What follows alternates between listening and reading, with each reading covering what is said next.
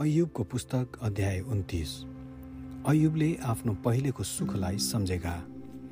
तब अयुबले आफ्नो बहस गर्दै रहे। बितेका महिनाहरूको म कति चाहना गर्दछु जुन समयमा परमेश्वर मेरो हेरचाह गर्नुहुन्थ्यो। जब उहाँको दियो मेरो शिरमाथि चम्कन्थ्यो र त्यसको उज्यालोद्वारा म अँध्यारोमा हिँडडुल गर्थेँ। मेरो उत्तम समयका दिनहरू जब परमेश्वरको नजिकको सम्बन्धले मेरो घरलाई आशिष दिन्थ्यो।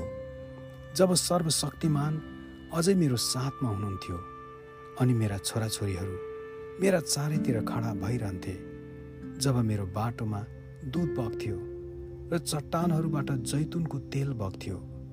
चोकमा बस्नलाई जब म सहरको मूल ढोकाबाट भएर जान्थेँ जवान मानिसहरू मलाई देखेर बाटो छोडिदिन्थे र वृद्ध मानिसहरू खडा हुन्थे अधिकारी वर्गको मुखै बन्द हुन्थ्यो र आफ्नो मुखले हातले छोप्थे।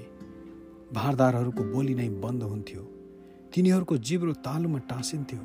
मैले बोलेको सुन्नेहरूले मेरो गुणगान गर्थे र मलाई देख्नेहरू मेरै योग्यताको साक्षी दिन्थे। किनभने सहायताको लागि पुकारा गर्दा गरिब मानिसहरूलाई र रक्षाहीन वृत्तहीनहरूलाई मैले बचाएँ। मर्न लागेको मानिसले मलाई आशीर्वाद दिन्थ्यो। र मैले विधवाको मन मनले आनन्दले गाउने बारे पारिदिन्थेँ।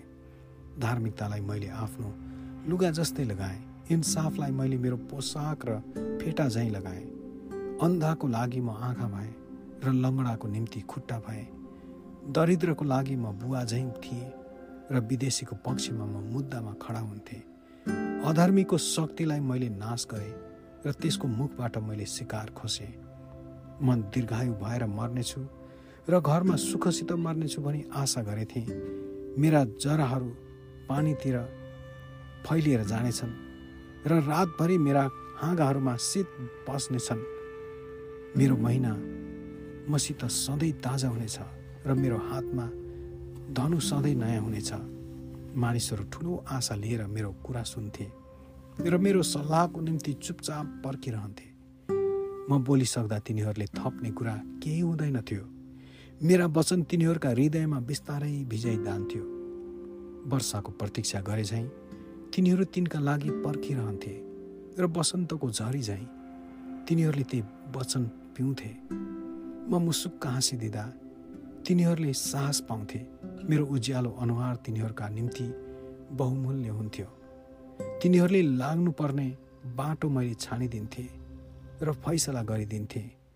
राजाले आफ्नो फौजलाई युद्धमा लगे झैँ म तिनीहरूलाई लान्थेँ र शोक गर्नेहरूलाई सान्त्वना दिने झैँ म थिएँ।